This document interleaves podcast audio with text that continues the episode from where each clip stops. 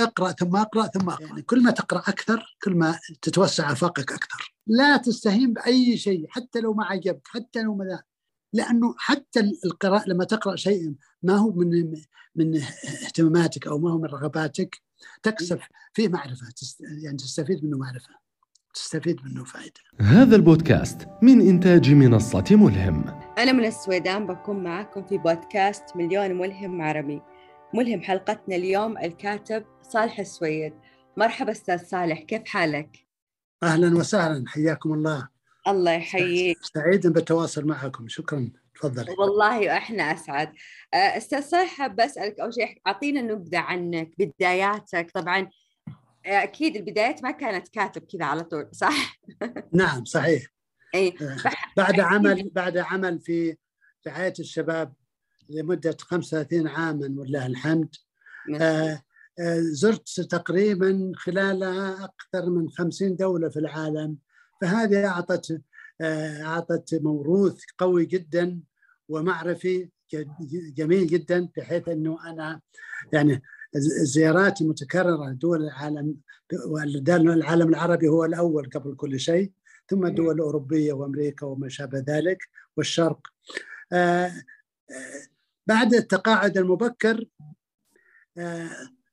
والتقاعد أيضا من العمل الحر لأنه إذا استقبل القول العمل الحر كان بعد التقاعد من العمل الوظيفي الحكومي.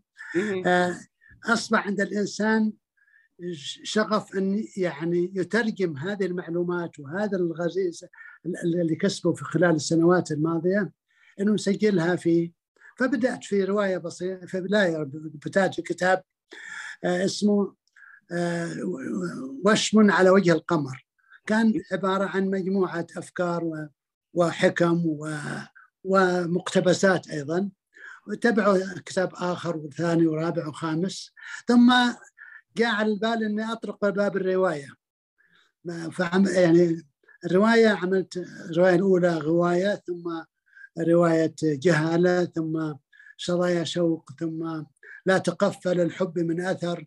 آه، المهم الآن صار يعني أكملت خمس روايات وخمس كتب أدبية بما فيهم ديوان شعر ومذكرات ذاتية. ما شاء الله. طيب أستاذ صالح الدار النشر أنت فتحتها بهذه بهذه اللحظة ولا يعني بعد برضو أخذت منك وقت؟ لا الحقيقة كنت شريك في أول شيء آه، شريك في مؤسس في جريدة العصر الصحفية. عملت في قبرص تزامت مع بداية جريدة الشرق الأوسط. آه، لكن ظروف الشحن في قبرص والإجراءات الإجراءات الإدارية شوي كانت تأخرت العمل فيها.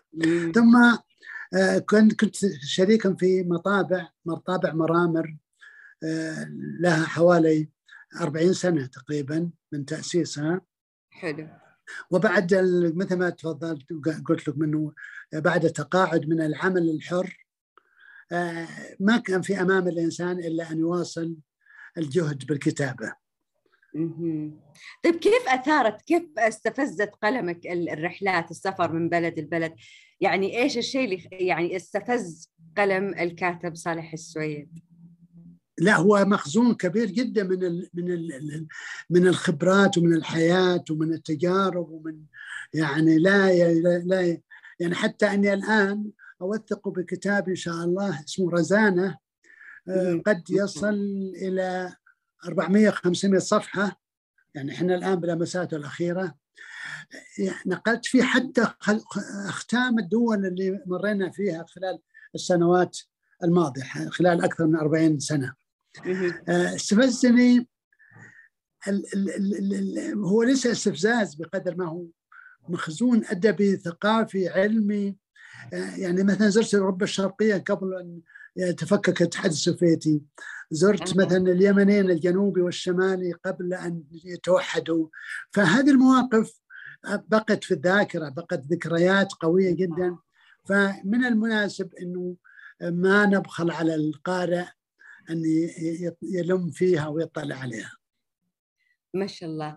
طيب أول رواية لك كانت إيش؟ هي؟ غواية إيه. رواية. هذه تحكي عن من فكرة يعني فكرة الحياة الأولى الاولى البساطة يعني.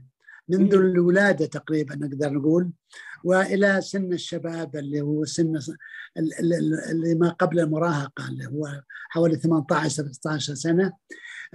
ولقت قبول جدا كبير جدا من من الناس وكذا. يعني من من يعني من مناسب جدا الإشارة إلى أنها سبقت مسلسل العاصوف. وهي آه تحكي نفس الظروف والأحداث حتى كان لي لقاء مع الإخوان في دار شو اسمه الحوار الوطني فقالوا فقالوا ما رأيك بالعاصوف؟ قلت له لم أكن لو لم أكن كاتبا لرواية رواية قبل العاصوف بأربع سنوات لاتهم أني أنا مقتبس منها معلومات. بس الحمد لله إنها صارت قبل كانت قبل. نعم. طيب أنت قارئ بالفترة أستاذ صالح ولا موهبه القراءة عندك؟ لا لا قارئ مهم. أنا ترعرعت أو نشأت رفقة شقيقي.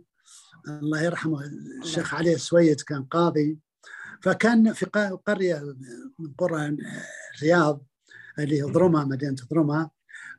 وقبل الكهرباء وقبل كل شيء يعني في في الزمن الأول فما كان أمامي إلا الكتب. الكتب وال يعني الروايات. قرأت نجيب محفوظ عبد الرحيم عبد الله حسن عبد القدوس يوسف السباعي. بنهم بعطش لأن لا كان ما في لا تلفزيون لا في راديو لا في آه موبايل حاليا. اللي هي ما في أي وسائل. ما كان ما يعني القراءة والصلاة والنوم فقط. هذا الموجود متوفر في, في ذاك العيد. طيب كيف أستاذ صالح كيف أنت تقارن إنه الوقت هذاك بالوقت هذا؟ يعني نشوف إن الآن في مجتمعنا في ناس يعني قارئة آه، بس كيف تشوف إنه إنه يعني إيش تقييمك لهم من ناحية القراءة؟ خصوصا انه في الآن في جوجل في الإنترنت في والله يعني, يعني القراءة القراءة صارت ديكور أكثر ما هي واقع فعلا مع الأسف. آه، والكتاب بالذات. يعني في زماننا الأول كما كان أمامنا الا القراءه فشبعنا يعني لو لو يعني لو أقول إني كنت قاري شرح ابن عقيل وجوهر الأدب وكذا وأنا عمري ما ما تجاوز تسع سنين ما حد يصدق. الآن أبو تسع سنين ما يعرف يفك الحرف. يعني صحيح.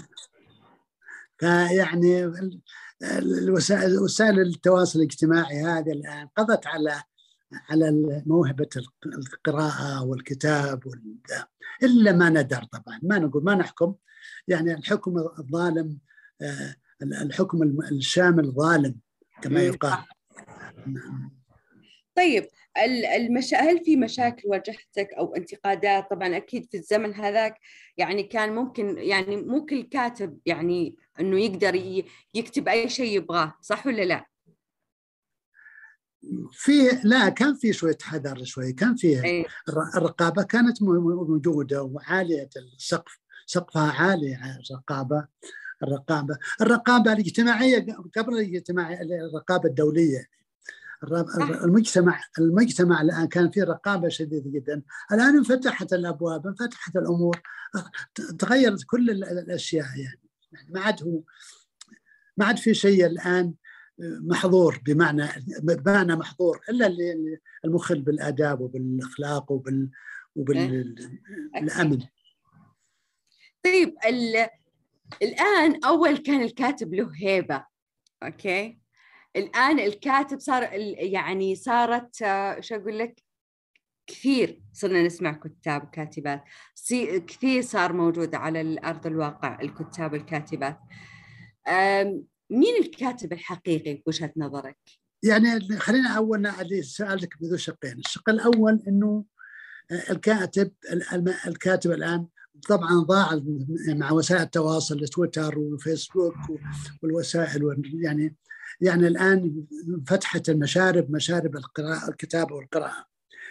لكن القارئ هو اللي يحكم من هو الكاتب يعني وليس حتى على التوزيع. الآن مع للاسف الآن اختلفت الموازين كثيرة يعني. مثلا في معرض الكتاب نجد في ناس مع شديد الأسف جمهور الكاتب حسب وضعه الاجتماعي أو حسب وضعه الثق... يعني ما هو مو وضعه الثقافي والمعرفي لا حسب يعني آه شهرته. مكانته الاجتماعية.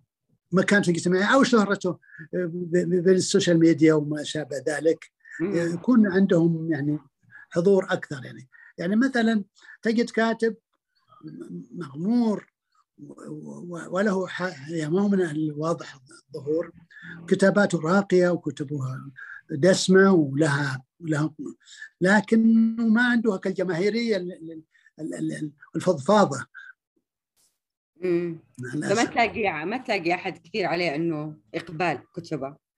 قلت لك تعتمد على على شعبية الكاتب أكثر ما هي قدراته أو خلفيته الثقافية أو ما أو ما يعني مخزونه الثقافي. يعني لو لو جينا نسأل مثلا نقول ما رأيكم نطرح سؤال على الجميع نقول ما رأيكم بفلان ولا فلان؟ آه يعني أستاذ جامعي أستاذ له ابحاث وله آه يعني كتب قيمة وكل شيء غير معروف. بينما أحدهم أحدهم ما نقول ذا آه يعني ما شاء الله اقتحم الساحة. طيب بما أنه أنه أنت عندك الآن ال ال دار النشر أستاذ صالح اللي هو دار قلم الخيال صح؟ نعم نعم. فإنه أستاذ صالح أنا بس حابة أسألك الآن صرنا نشوف إنه أغلب دور النشر صارت تنشر الكتاب ما تدقق على مثلا محتوى الكات الكتاب. يصير في نشره بس هل الغرض صار مادي أكثر من ما هو إنه فعلا إنه يكون في اهتمام بإنه إيش ننشر وإيش ما ننشر؟ إيش الناس المحتوى اللي تبغاه يبغونه الناس أو يبغون يقرونه أو مفيد إنه يقرونه؟ والله لا ينكر لا ينكر ذلك. موجود موجود الغث والسمين. فعلا. لكن يعني الحرص دار النشر يعني هناك فرق بين دار النشر. في ناس للتكسب المادي فقط وهناك آخرين ولعلنا إن شاء الله نكون منهم إنه تقديم الكتاب المفيد. يعني لأنه عندنا لجنة الآن بالدار تقيم الكتاب. هل هو صالح للنشر أو لا؟ هل هو مفيد للقارئ أو لا؟ كما أنه عند الدار أيضا مبادرة أخرى كانت فكرة تدريبية لكنها تحولت إلى ندوة وألفنا كتاب بحدود 40 صفحة كيف تكتب؟ يعني ألف باء كيف تكتب القصة أو الرواية أو الخاطرة؟ آه، طبعا الشعر لا ما هو مجالنا لأنه يعني رحم الله امرؤ عرف قدر نفسه الشعر له فرسانه. آه، لكن آه، لكن من المهم جدا إن الدار إنه تدقق في محتوى الكتاب. ف يعني حاطين أول شرط من شروط التعاقد أن يكون المحتوى مجاز من قبل لجنة دار قلم الخيال. هل هو صالح للنشر؟ هل هو يعني مفيد للذا؟ ولا أو سف كلام مصفوف أي كلام. فلعلنا إن شاء الله نكون بعيدين عن هذا الاتهام. وأنا أسميه اتهام محمود يعني ما هو واقع يعني ما هو ما يعني فيه اللي كذا فيه من تكسب ولكن الحمد لله الآن البقاء يقول البقاء للأصلح. لأنه الدار الدور اللي ما تهتم سنة سنتين وتم وتنسى تطلع من الساحة زي ما نقول صحيح. والحمد لله إحنا الآن يعني دخلنا بالعام الحادي عشر ولأنه أيضا وجود صالون الخيال الثقافي اللي نشرف عليه صالون الخيال الثقافي نشرف عليه أيضا يعني له دور باستقطاب الكتاب المبتدئين والمتعلمين بالكتابه لأنه ال 23 امسيه عملناها بحضور أدباء كبار من يعني من كبار المجتمع وجهاء المجتمع. وجهاء المجتمع في في العلم وفي الأدب وفي الثقافة. يعني مثلا أمثال الله يرحمه عبد الرحمن الشبيلي وأمثال الدكتور إبراهيم العواجي وأمثال آه، محمد الزلفة وأمثال آه، مجموعة والله من الناس الحمد لله. يعني كانوا يشرفون وينورون صالون الثقافي. فالصالون الثقافي أيضا من الروافد للكاتب أو لصاحب الدار أيضا. بحيث أنه تكون أمامه مسؤولية الحرص على نوعية الكتاب اللي ينوي أو يشارك في إصداره أو في تبنيه ولا إن شاء الله أننا موفقين في ذلك طيب أستاذ صالح أنت حكيت من شوي إنه كنت أول كنتم مفكرين إنه هالدورات التدريبيه اللي هي ماذا تكتب صح؟ عملنا دورة تدريبية في الدمام كيف تكتب. كيف تكتب القصة والروايه ولكن العقبات الإدارية في في مفهوم التدريب متطلباته عالية السقف كذا. فاستبدلناها بندوات. ندوة آه. مجانية لا فيها ربح مادي ولا ندوه تطوعية. آه، آه، محاضرات تقرأ عليها على المنتسبين وإن شاء الله ناوي ناخذها في مناطق المملكة وليست المناطق الثانوية وليست الرئيسيه مثل الرياض وجده والدمام تجي مرحلة ثانية لأن تجربتنا بالدمام كانت جيدة جدا ولله الحمد. فنبي نحممها إن شاء الله.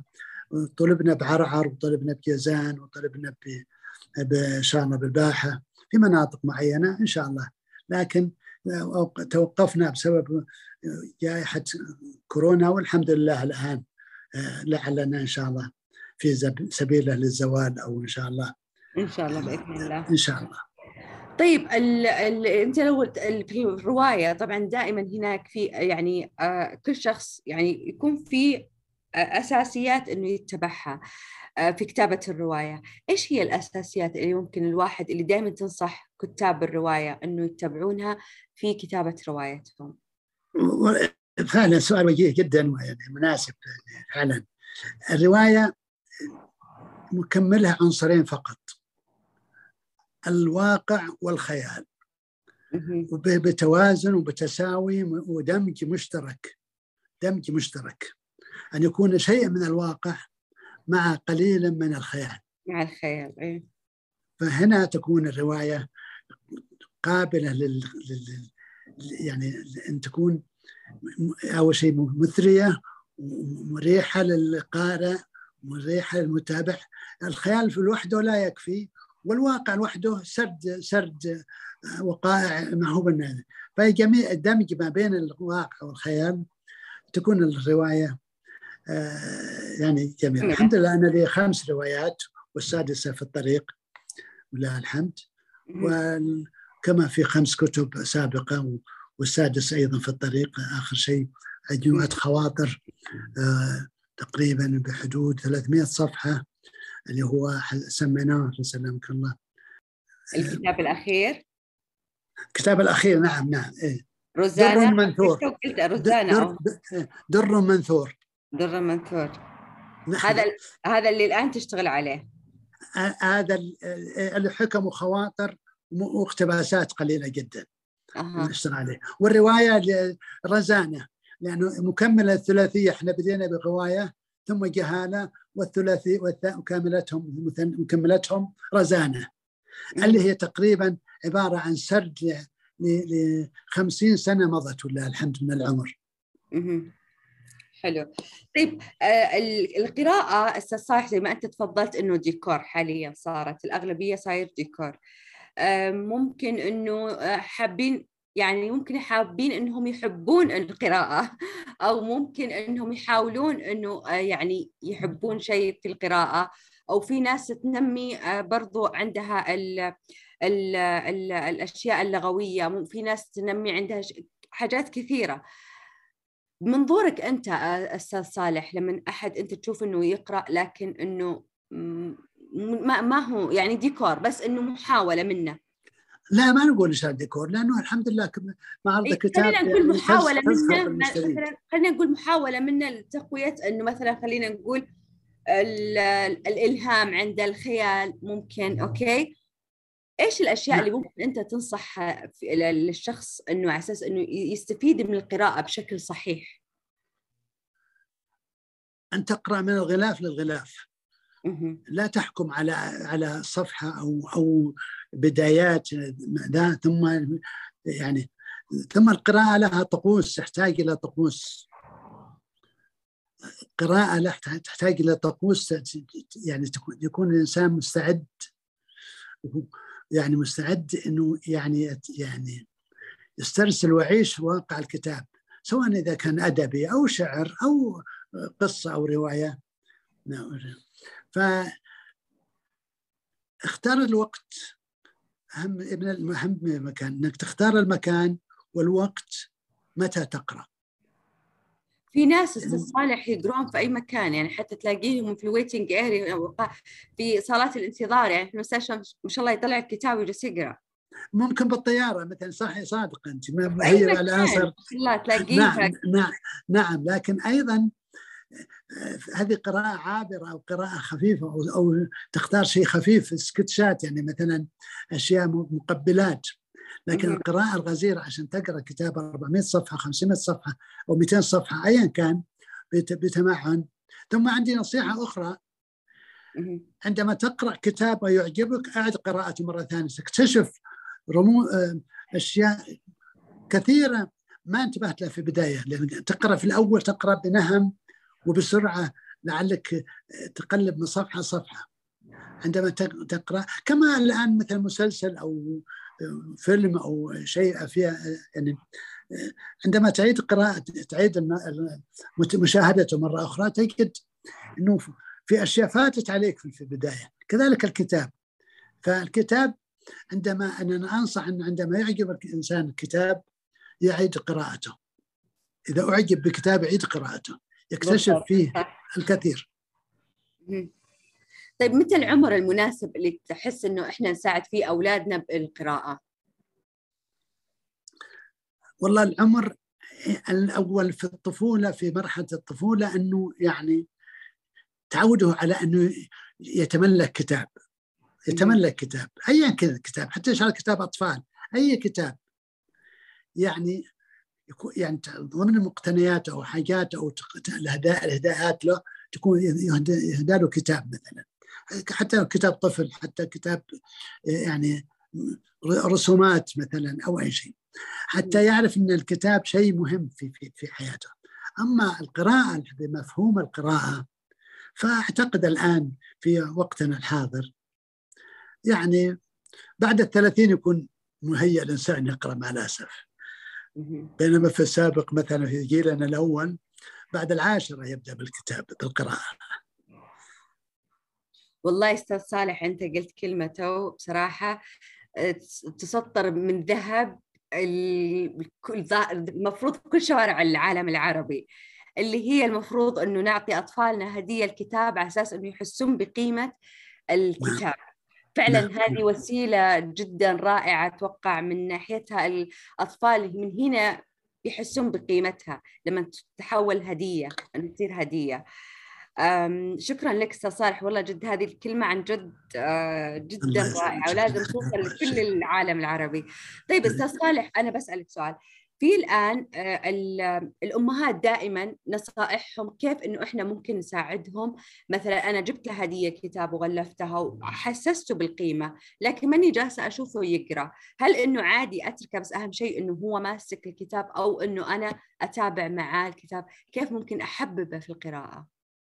ممكن يعني بس الحوافز. الحافز هو الشيء. الحافز المادي الحافز الفسح. الفسحة مثلا إنه والله عشان نطلع ولده اقرأ لي صفحة من هذا الكتاب مثلا. يعني تهج لك صفحة أي حتى في نفس يكون الكتاب في مس يعني يتزامن أو يتناسب يعني مع سنه. يعني ما نعطيك كتاب يعني مثلا كتاب الأطفال اقرأ لي الصفحة الفلانية اقرأ لي الصفحة الفلانية. يعني ده عامل مؤثر جدا جدا وذي دور الأم. الأم أكثر آه. حتى من الأب. الأب نصائحه دائما اقرأ وسويت واقرأ القرآن دائما جدية. دائما جدية الأب. بالضبط. نعم. لكن الأم عندما يعني نطلع أقرأ لنا بس أقرأ لي هالصفحه أو وش وش وش وش, وش استفدت من هذا وش استنتجت من هذا الموضوع أو من هذا المقال أو هذا الحديث؟ أذكر في زمن مضى أولادي أيضا كنت نروح نادي الفروسية وكذا فأقول لهم حتى نذهب للنادي الفروسية أو نذهب الرحلة مثلا أو أي ذا مطلوب انكم تعطوني رأيكم في هذا الكتاب وهذا ال... فالحمد لله يعني أثمر إنه الاغلب منهم ولله الحمد يحبون القراءة يعني والفن التشكيلي والحمد لله. حتى هي مايا في الفن التشكيلي صح؟ مايا ونورة. نعم. يعني ما شاء الله كلهم جذبتهم في في الفنون. يا فنون الحرف يا فنون التشكيل. نعم نعم نعم. كل واحد ومهنته ما شاء الله عليك. الله يسلمك. شكرا. طيب مصدر إلهام الكتب. دائما الكتاب بيكون في عندهم إلهام. هل هذا صحيح؟ يعني في ناس في كتاب ما اتفقوا قالوا مو مو شرط إنه يكون في عند كل كاتب روايات أو كاتب أشعار. أو كاتب حد ذاته إنه يكون عنده إلهام أو مصدر إلهام. في كتاب يكتب مثلا وبس. يعني يكتب مثلا حاجة ما مو شرط إلهام. لا إذا اللي ما عنده إلهام ما عنده ما عنده قدرة على الكتابة اطلاقا. أوكي. طيب ما... مين, هو... مين هو مصدر إلهامك؟ طيب. أنت اعترفت إنه في إلهام بس مين هو؟ آه لا لا لا لا لا. والله الحمد لله. يعني أول شيء قلت لك في البداية إنه يعني الرحلات الطويلة الكثيرة المتشعبة يعني حوالي بحدود 50 دولة في العالم. هذه كانت يعني مخزون كبير جدا للمنهاج لها دور. نعم. اي لكن أيضا يعني أم البنون لها دور كبير جدا في تهيئة المناخ والجو لها الحمد. آه يعني آه كذلك الحمد لله يعني ربي رزقني بوفقني. أنا أبنائي أغلبهم عندهم ماجستير سواء ذكور أو اناث يعني تعلموا في الخارج وفي الداخل ويعني حصلوا على شهادات. يعني الحمد لله مصدر فخر. فاعتبرها هم أيضا مصدر الهام إنه يعني أحرص على أن أكون بالصورة اللي يتمنوها لوالدهم وكذا والحمد لله لعلي وفقت في شيء من ذلك. الله تبارك الرحمن. نعم. آه الله يخليهم لك يا رب وتفرح في اولادهم إن شاء الله يا رب. الله يسلمك ويبارك فيهم أكثر وأكثر إن شاء الله. طيب عناوين كتبك آه، أستاذ صالح كيف تم اختيارها؟ كيف تختار العناوين؟ أوه ذا سؤال دائما فيها كذا شوي دائما فيها كياتة دائما. لا جد والله دائما اختيار الأسماء عندك دائما فيها ما شاء الله تبارك الرحمن تجذب.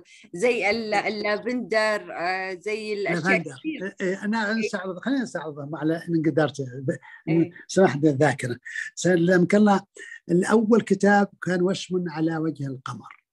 آه شفت شو لازم. وشم على وجه القمر. الحقيقة أتخيل يعني يمكن أنا أختلف عن الآخرين. أنا أختار الاسم قبل المحتوى. لأن الاسم أعتبره ركيزة يساعدني يسهل لي افكاري تجميع أفكاري بدل ما تتشتت. فوشم على وجه القمر آه، الكتاب. الكتاب الثاني لؤلؤ على سطح البحر. اللؤلؤ معروف إنه داخل في البحر أوكي. في أعماق البحر. آه، آه، الكتاب الثالث درر بزخات المطر. الكتاب الثالث لا الكتاب الثالث أو الثالث أعتقد إيه ثرثرات بمذاق القهوة. ثم كتاب أسرار لم تطرق. هذا سيرة ذاتية. ثم سلمك الله آه، نجي للروايات. روايات غوايه لأنه آخذ عن الاسم من من ما من من ما نوي ما اللي ناوي اتحدث عنه. فالغوايه في سن الطفولة وفي في سن الطفولة كانت روايتي الأولى. أيام عاصوف على نرجع نرجع بتوقيت العاصوف إيه. في زمن العاصوف كذا كانت البساطة جدا والفطرية هي السائدة في حياتنا اليومية في لقاءاتنا فيما تعرفنا. ففي أشياء آه، يعني آه، سوي اخترت اسم لها غواية. بعد غواية آه، شظايا شوق. هذه الروايه كانت أكبر شوي حوالي 200 صفحة. بعدها لا تقفى للحب من أثر. عن الرحلات ورحله الغرب عندما كنا نب... كانوا الأولين يهاجرون للبحث عن الرزق. ثم أصبحت بلد بلدنا الحمد لله دولت دولتنا ومنطقتنا هي مصدر الرزق والتكسب. يأتون لها من الشرق ومن الغرب من كل مكان. ف يعني فيها رسالة يعني. دائما يعني يفضل يعني عندما تكتب تكتب شيء له هدف صح يعني ما هي بس كلا وشرب ولا راح وما أدري كذا، لا إنه توصل رسالة.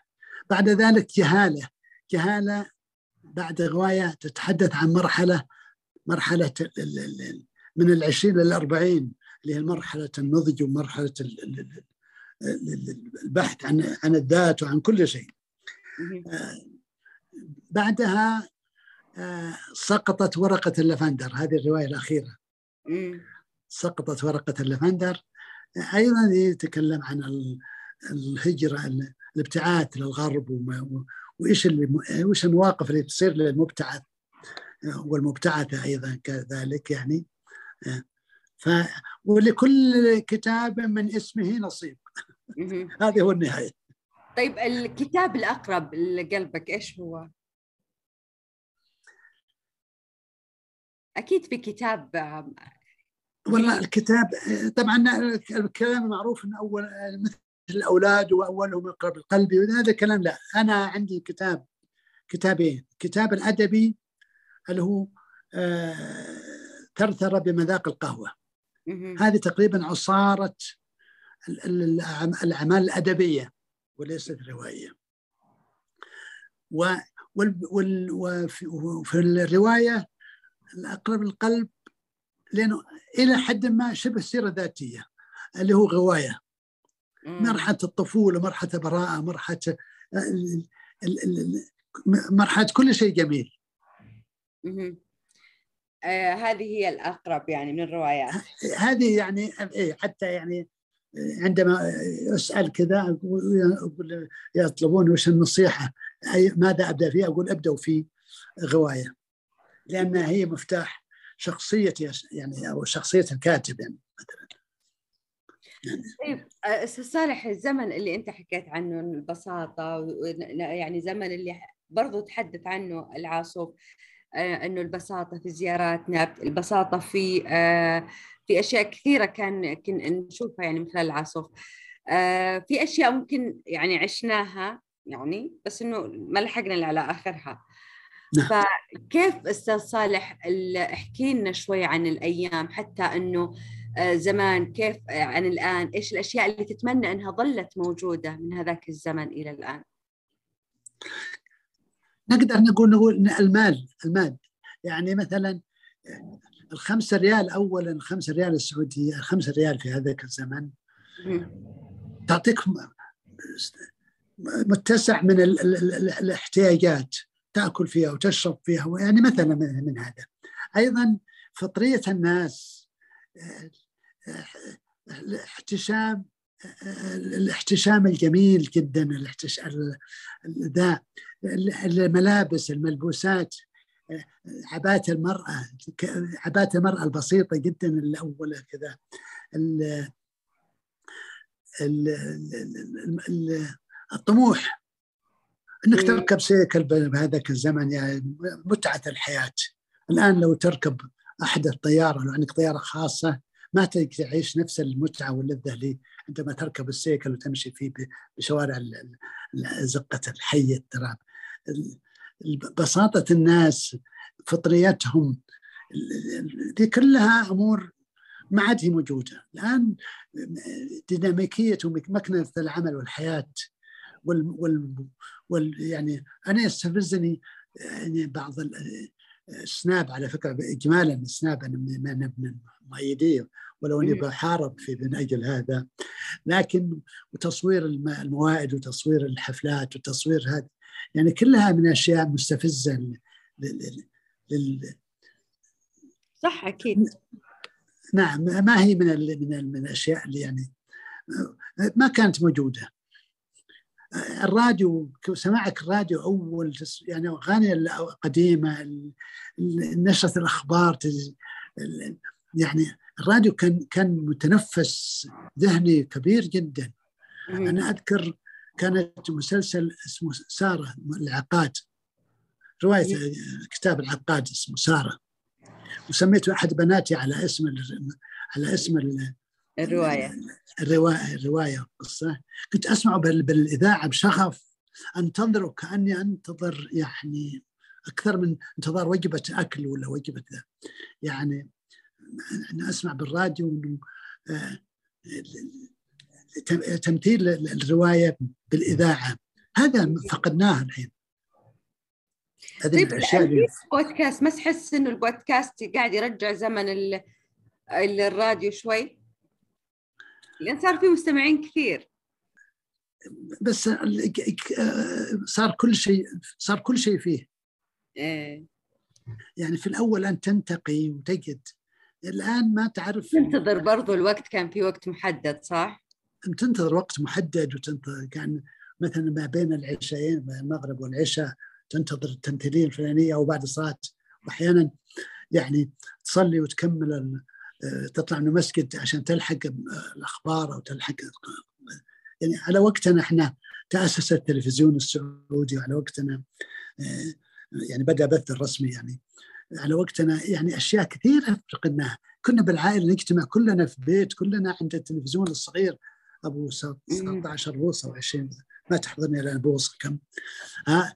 اللي اللي اكبر كبر شاشة اللابتوب أو أكبر تقريبا. ها؟ كان متعة إن الأسرة كلها تجتمع تقرا الحين الشاشات الكبيرة واللعب مع الرياضة والطويلة والمسميات العائله متفككة. بالضبط. وكل واحد ماسك جواله يعمل شيء يراسل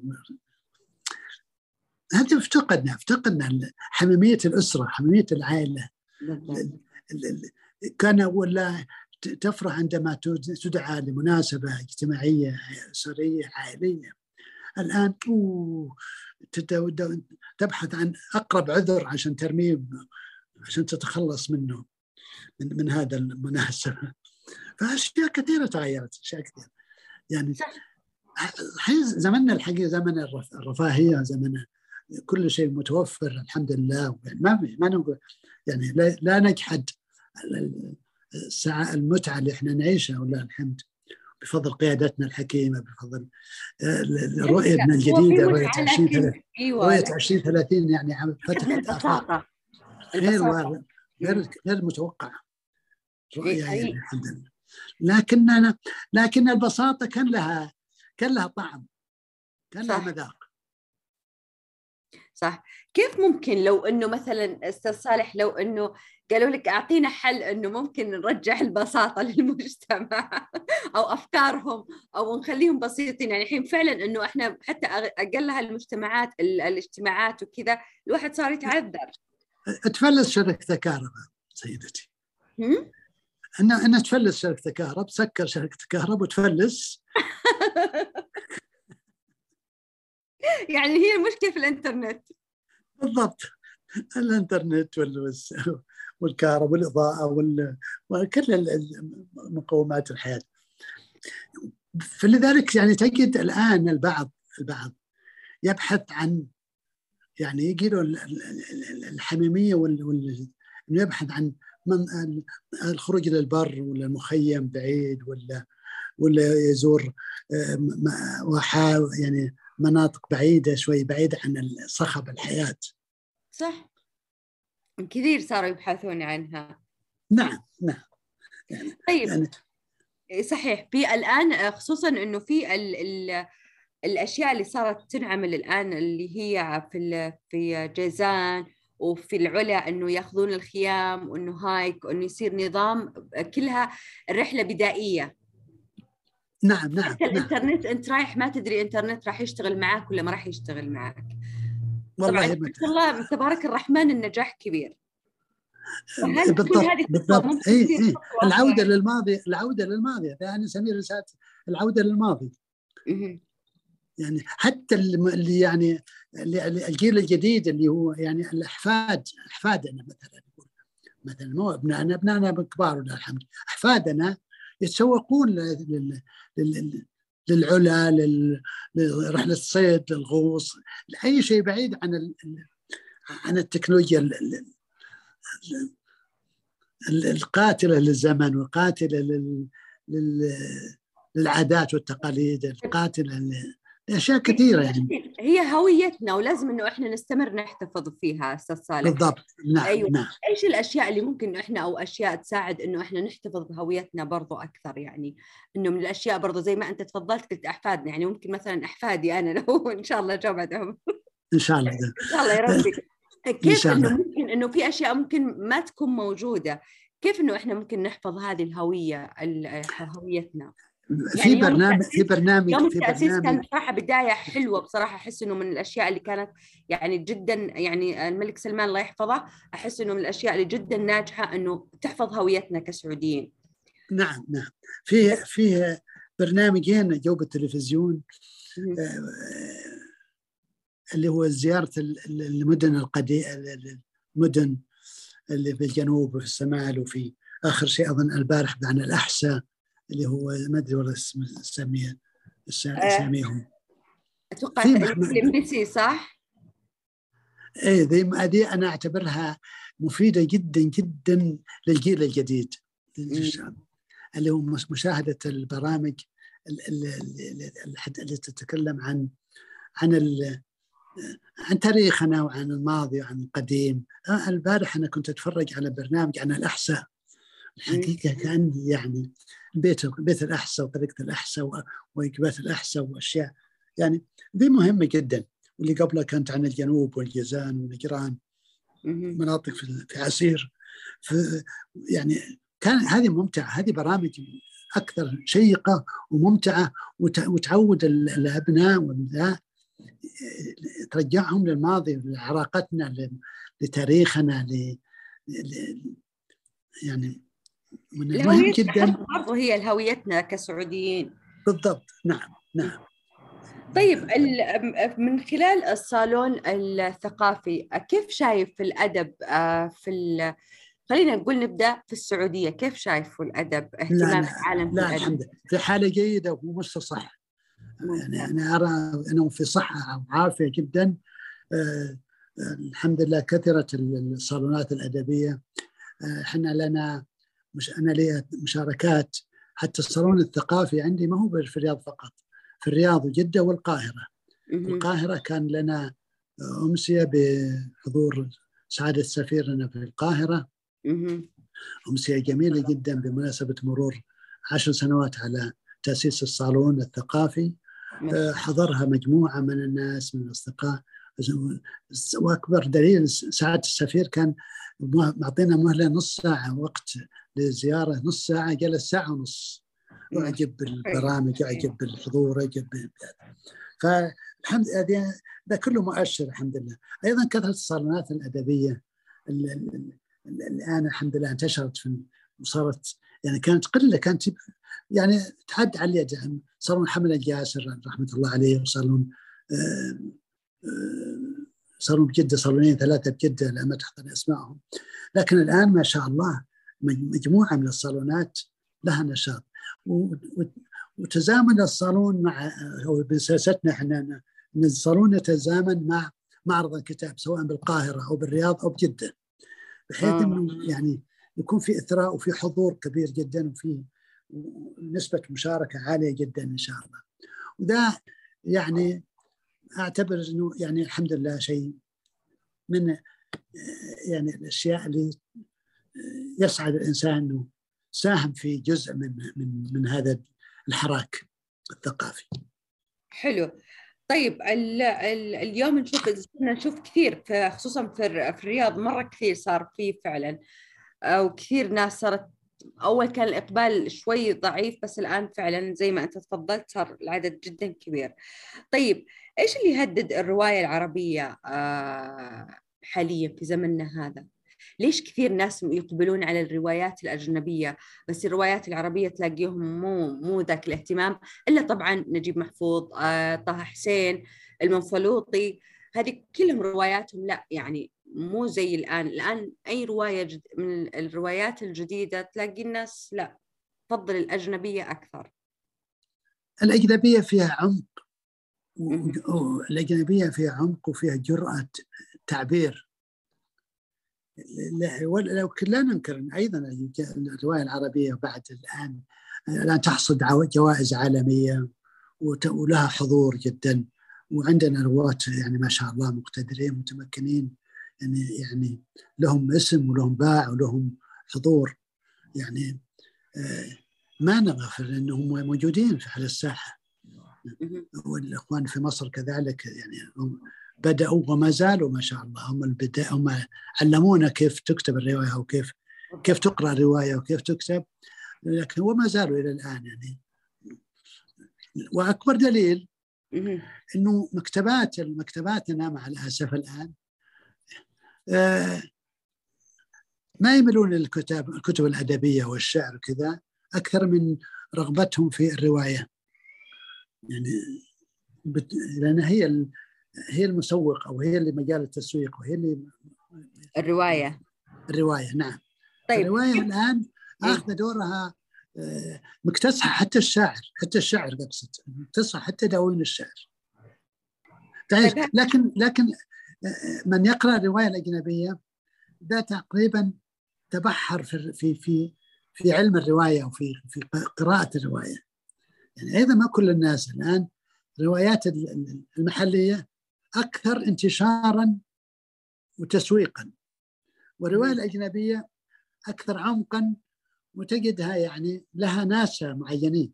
يعني لأنها تبحر بعيدا عن الرقابة وعن الحظر.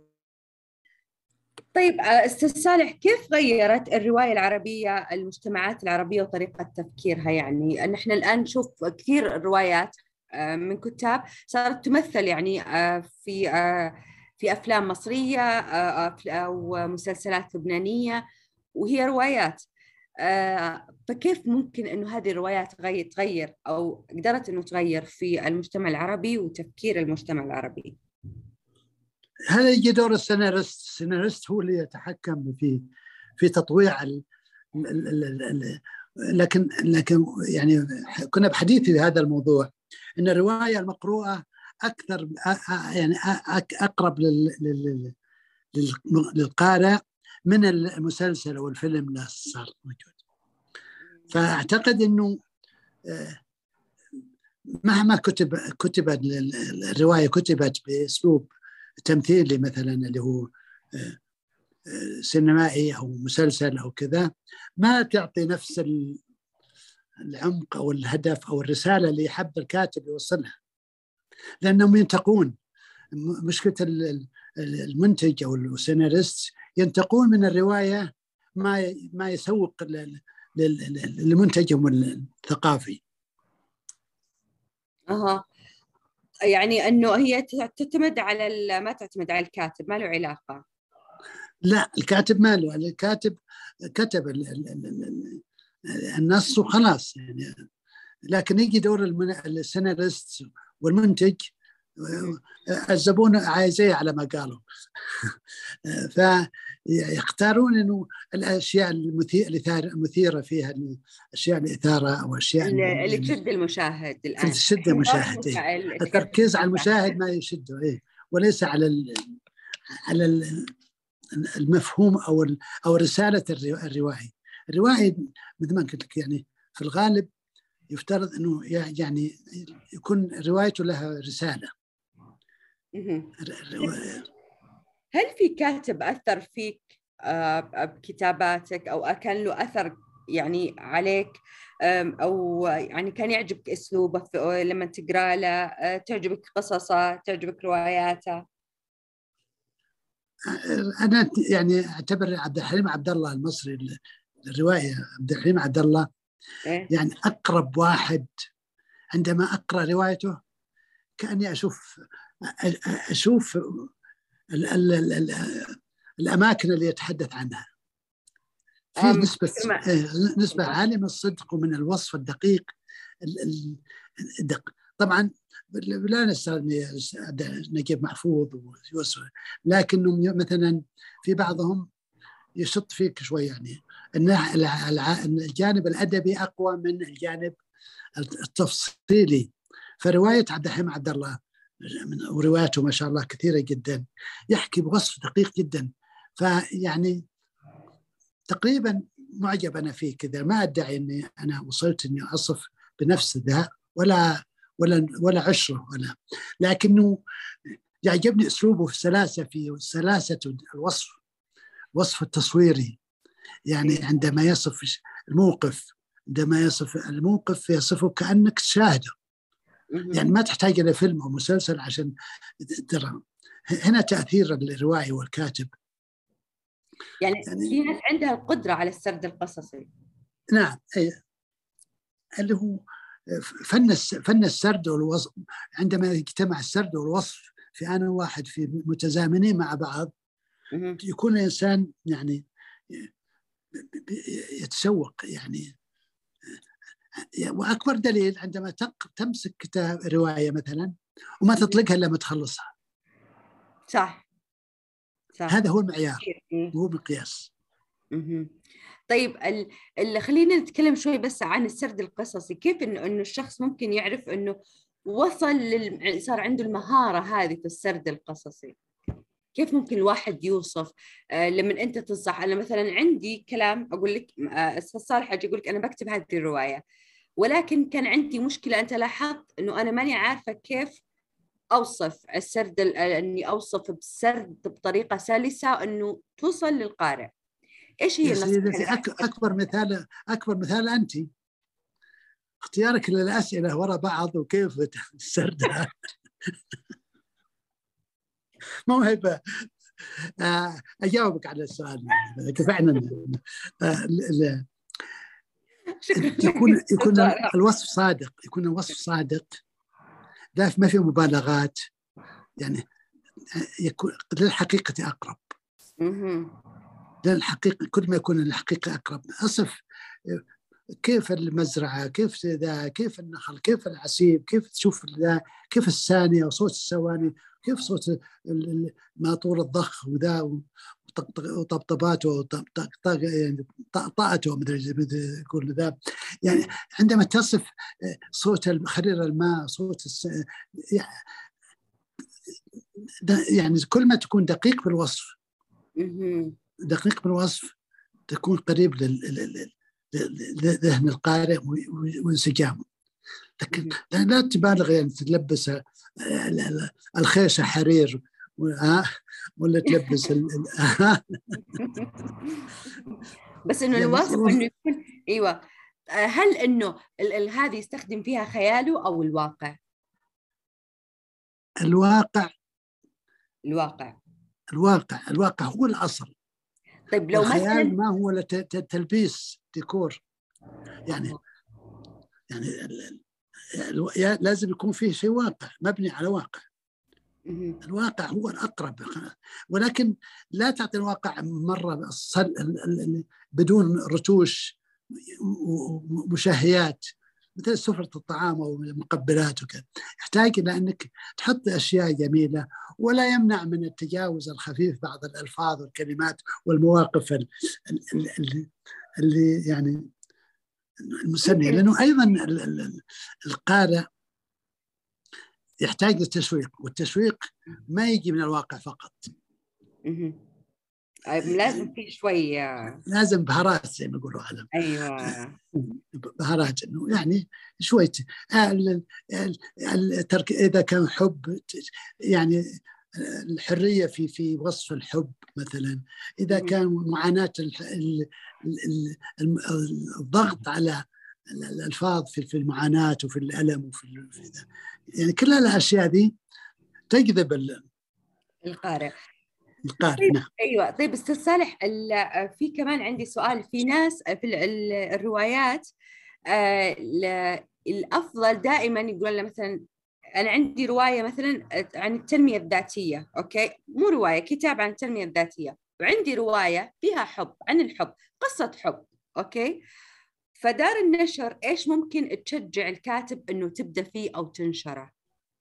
الناس اللي يتوجهون هل هي إقبال الناس على روايات العشق والحب أكبر من إنه كتب التنمية الذاتية؟ إيه، إيه، التنمية الذاتية ثقيلة على على القارئ. نعم. الكتب الذاتية ثقيله على القارئ لكن لكن يعني مثلا أنا روايتي روايتي الأولى رواية. هي تنمية هي ذاتية ذاتية يعني بمعنى لكنها م- البهارات كانت المواقف مثلا البطل في الرواية كان يتفرج على فيلم سينمائي. ولأول مرة يشوف السينما وأول مرة يشوف فيلم. فكان في مع بالصف الأول مع مع في أسرة مستضاف في أسرة غنية وكذا مهم. فلما كان السينما كانت على قماش أبيض على على جدار يعني والم... مهم. وراء المشغل لماكينة السينما القديم هذا شيء قديم مثال فعندما نزل الجيش مع الدرج فزع وقام من هرب يخاف الجيش تطاه. خاف الجيش تا- الجيش لما نزل مع الدرج خاف إن الجيش تدعس تدعس عليه وهو بكرسيه م- أه. مثال هذا موقف مثلا. إيه. يشوق يعني هذه إنه ال- ال- قصدك أنت الوصف أنت كيف وصفت وكذا والأشياء هذه؟ اي بالضبط. اي كيف م. يعني كيف تصف هذا الإنسان اللي لأول مرة يشوف السينما. وأقبلوا عليه وأقبل شاف الجيش بس بالفيلم فقام فزع. خوفا من يساعدهم. أو خاف. يدعس نعم مثل هذا. مثل هذا موقف يعني لما تصفه يعني. بتضحك هذا- وبتحس بال ممكن إنه في شوي يعني إنه حلو و ما أدري. بالضبط. اي نعم بس حلو هو الوصف حلو. يعني ف- إنه على طول بيجي في بالك على طول بيجي في بالك إنه أول ما كان في أول ما جت الساتلايت إنه في ناس كانوا يتغطون عنا. إيه بالضبط كذلك فبيجي نعم في بالك نعم. هذا الشيء على طول يعني إيه، إيه، على إيه. طول هذه النقطة على طول تجي كذا الب- الناس كيف كان فطريتهم كيف كانوا الآن الطفل وعمره أقل من سنتين يتابع برامج التلفزيون ويتابع برامج الأطفال ويتابع ويعرف بينما ال- ال- الوصفنا الأول ذا كان عمره عشر سنين ولما شاف ال- سينما. السينما وشاف العالم ولا اللي آه، شاف ال- ال- ال- ال- الجيلي آه، وجبة الجيلي تهز وكذا يظن إن فيها بطارية ولا فيها شيء. يعني في مواقف. صح. ولها هنا يجي دور- ترى كثير. وفعلا هنا يجي صارت دور يعني. الروائي يا أستاذ. هنا يجي دور الروائي إنه يحط شوية بهارات مشوقة. عشان ما يمل لأنه من الصعب ان الذاتية أو إنه آه، كبر وصغر ودخل مدرسة وما أدري هذه كلها ما ت... يعني ما ي... ما ي... تلفت نظر القارئ. يعني كتب الحب هي اللي عليها الإقبال وال اي لأنه الحب غريزة موجودة عند البشر ف يعني ما ما حد يخلو من من من, من أكيد. إيه. طيب. نصائح تقدمها للكتاب. لا كتاب لا. لل- للمبتدئين. أنا ما أقدر كاتب لا إيه يعني أنا خلينا نقول يلا للمبتدئين. نعم إيه، مبتدئين لأنه أنا ما وصلت إني الكتاب أنا أتعلم منهم ما يعني لكنه آه، الكلمة المعروفة المكررة اقرأ ثم اقرأ ثم اقرأ. مم. لأنها يعني كل ما تقرأ أكثر كل ما تتوسع أفاقك أكثر. يعني هي أنت تنصحها بالقراءة أولا قراءة وأخيرا بالقراءة من كل ما ذا. لا تستهين بأي شيء حتى لو ما عجبك حتى لو ما لأنه حتى القراءة لما تقرأ شيء ما هو من من اهتماماتك أو ما هو من رغباتك تكسب فيه معرفة تست يعني تستفيد منه معرفة تستفيد منه فائدة. ف يعني ال- ال- ال- القراءة يعني مثل أنا أشبهها بالأكل والشرب والماء والهواء حاجة الإنسان للقراءة. حلو. طيب أستاذ صالح آه، في الأخير بس حابة تعطينا كلمة عن ال- الأد إيش الحاجة اللي أنت تتمنى أنه تكون موجودة حاليا في آه، الأدب العربي؟ الأدب العربي الحمد لله يعني الآن يعيش عصر زاهر يعني ما ما نقول يعني ولا يعني ولا أنا يعني من المهيأ ومن القدرة أو الإمكانيات اني أنا أقدر يعني أتكلم بهذا يعني أترك لمن سبقوني والأقدر مني في هذا الكلام. لكنه يعني نعيش الآن في في في في رؤية 2030 يعني متسع متسع معرفي كبير جدا في في في كل شيء امامنا يعني ما نقول لا الحمد لله يديمها من نعمة ويسعدنا بولاة أمرنا و وأميرنا الشاب المحبوب سمو الأمير محمد بن سلمان يعني الرجل المعجزة الحقيقة والرجل مفخره يعني حقيقة يعني مهما قيل عنه النقلة اللي إحنا عشناها وخاصة جيلنا السابق اللي مر في في مراحل فيها الإضاءة المضيء وفيها المظلم وفيها المرتبك وفيها ولكن إحنا الآن يعني ما أقول إلا أنه ربنا يزيد ويفكنا من شر ال ال ال ال الأشرار و يا رب. وهذا هو كلمتي الأخيرة ويعني الحقيقة الحمد والشكر وين كنا وين أصبحنا. وهذا يحتاج أيضا كتابة قوية جدا وصادقة ومخلصة. الحمد لله موجودة الآن يعني من يكتب بهذا الكلام. لكن بحاجة أن تسجل من ذهب من ماء بماء الذهب. العصر اللي إحنا نعيشه الآن. وما